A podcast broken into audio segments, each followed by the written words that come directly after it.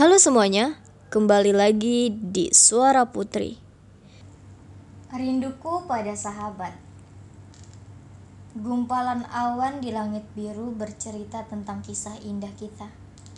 Saat deras hujan bagai air mata dan cerah mentari jadi wajah kita.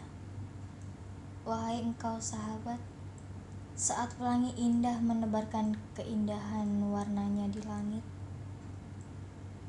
hanya bisa menjadi saksi bisu, saksi kisah perjalananku denganmu.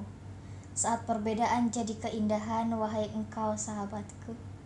Engkau pun seperti matahari yang menyinari bumi. Kau seperti ada di dalam jiwa dan ragaku. Menemaniku dalam berbagai keadaan, senang maupun sedih. Tapi, kini kau telah pergi pergi untuk selamanya, pergi karena Tuhanku lebih memilihmu untuk kembali kepadanya.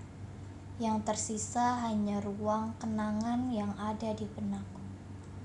Kutapaki hari-hari tanpa kehadiranmu,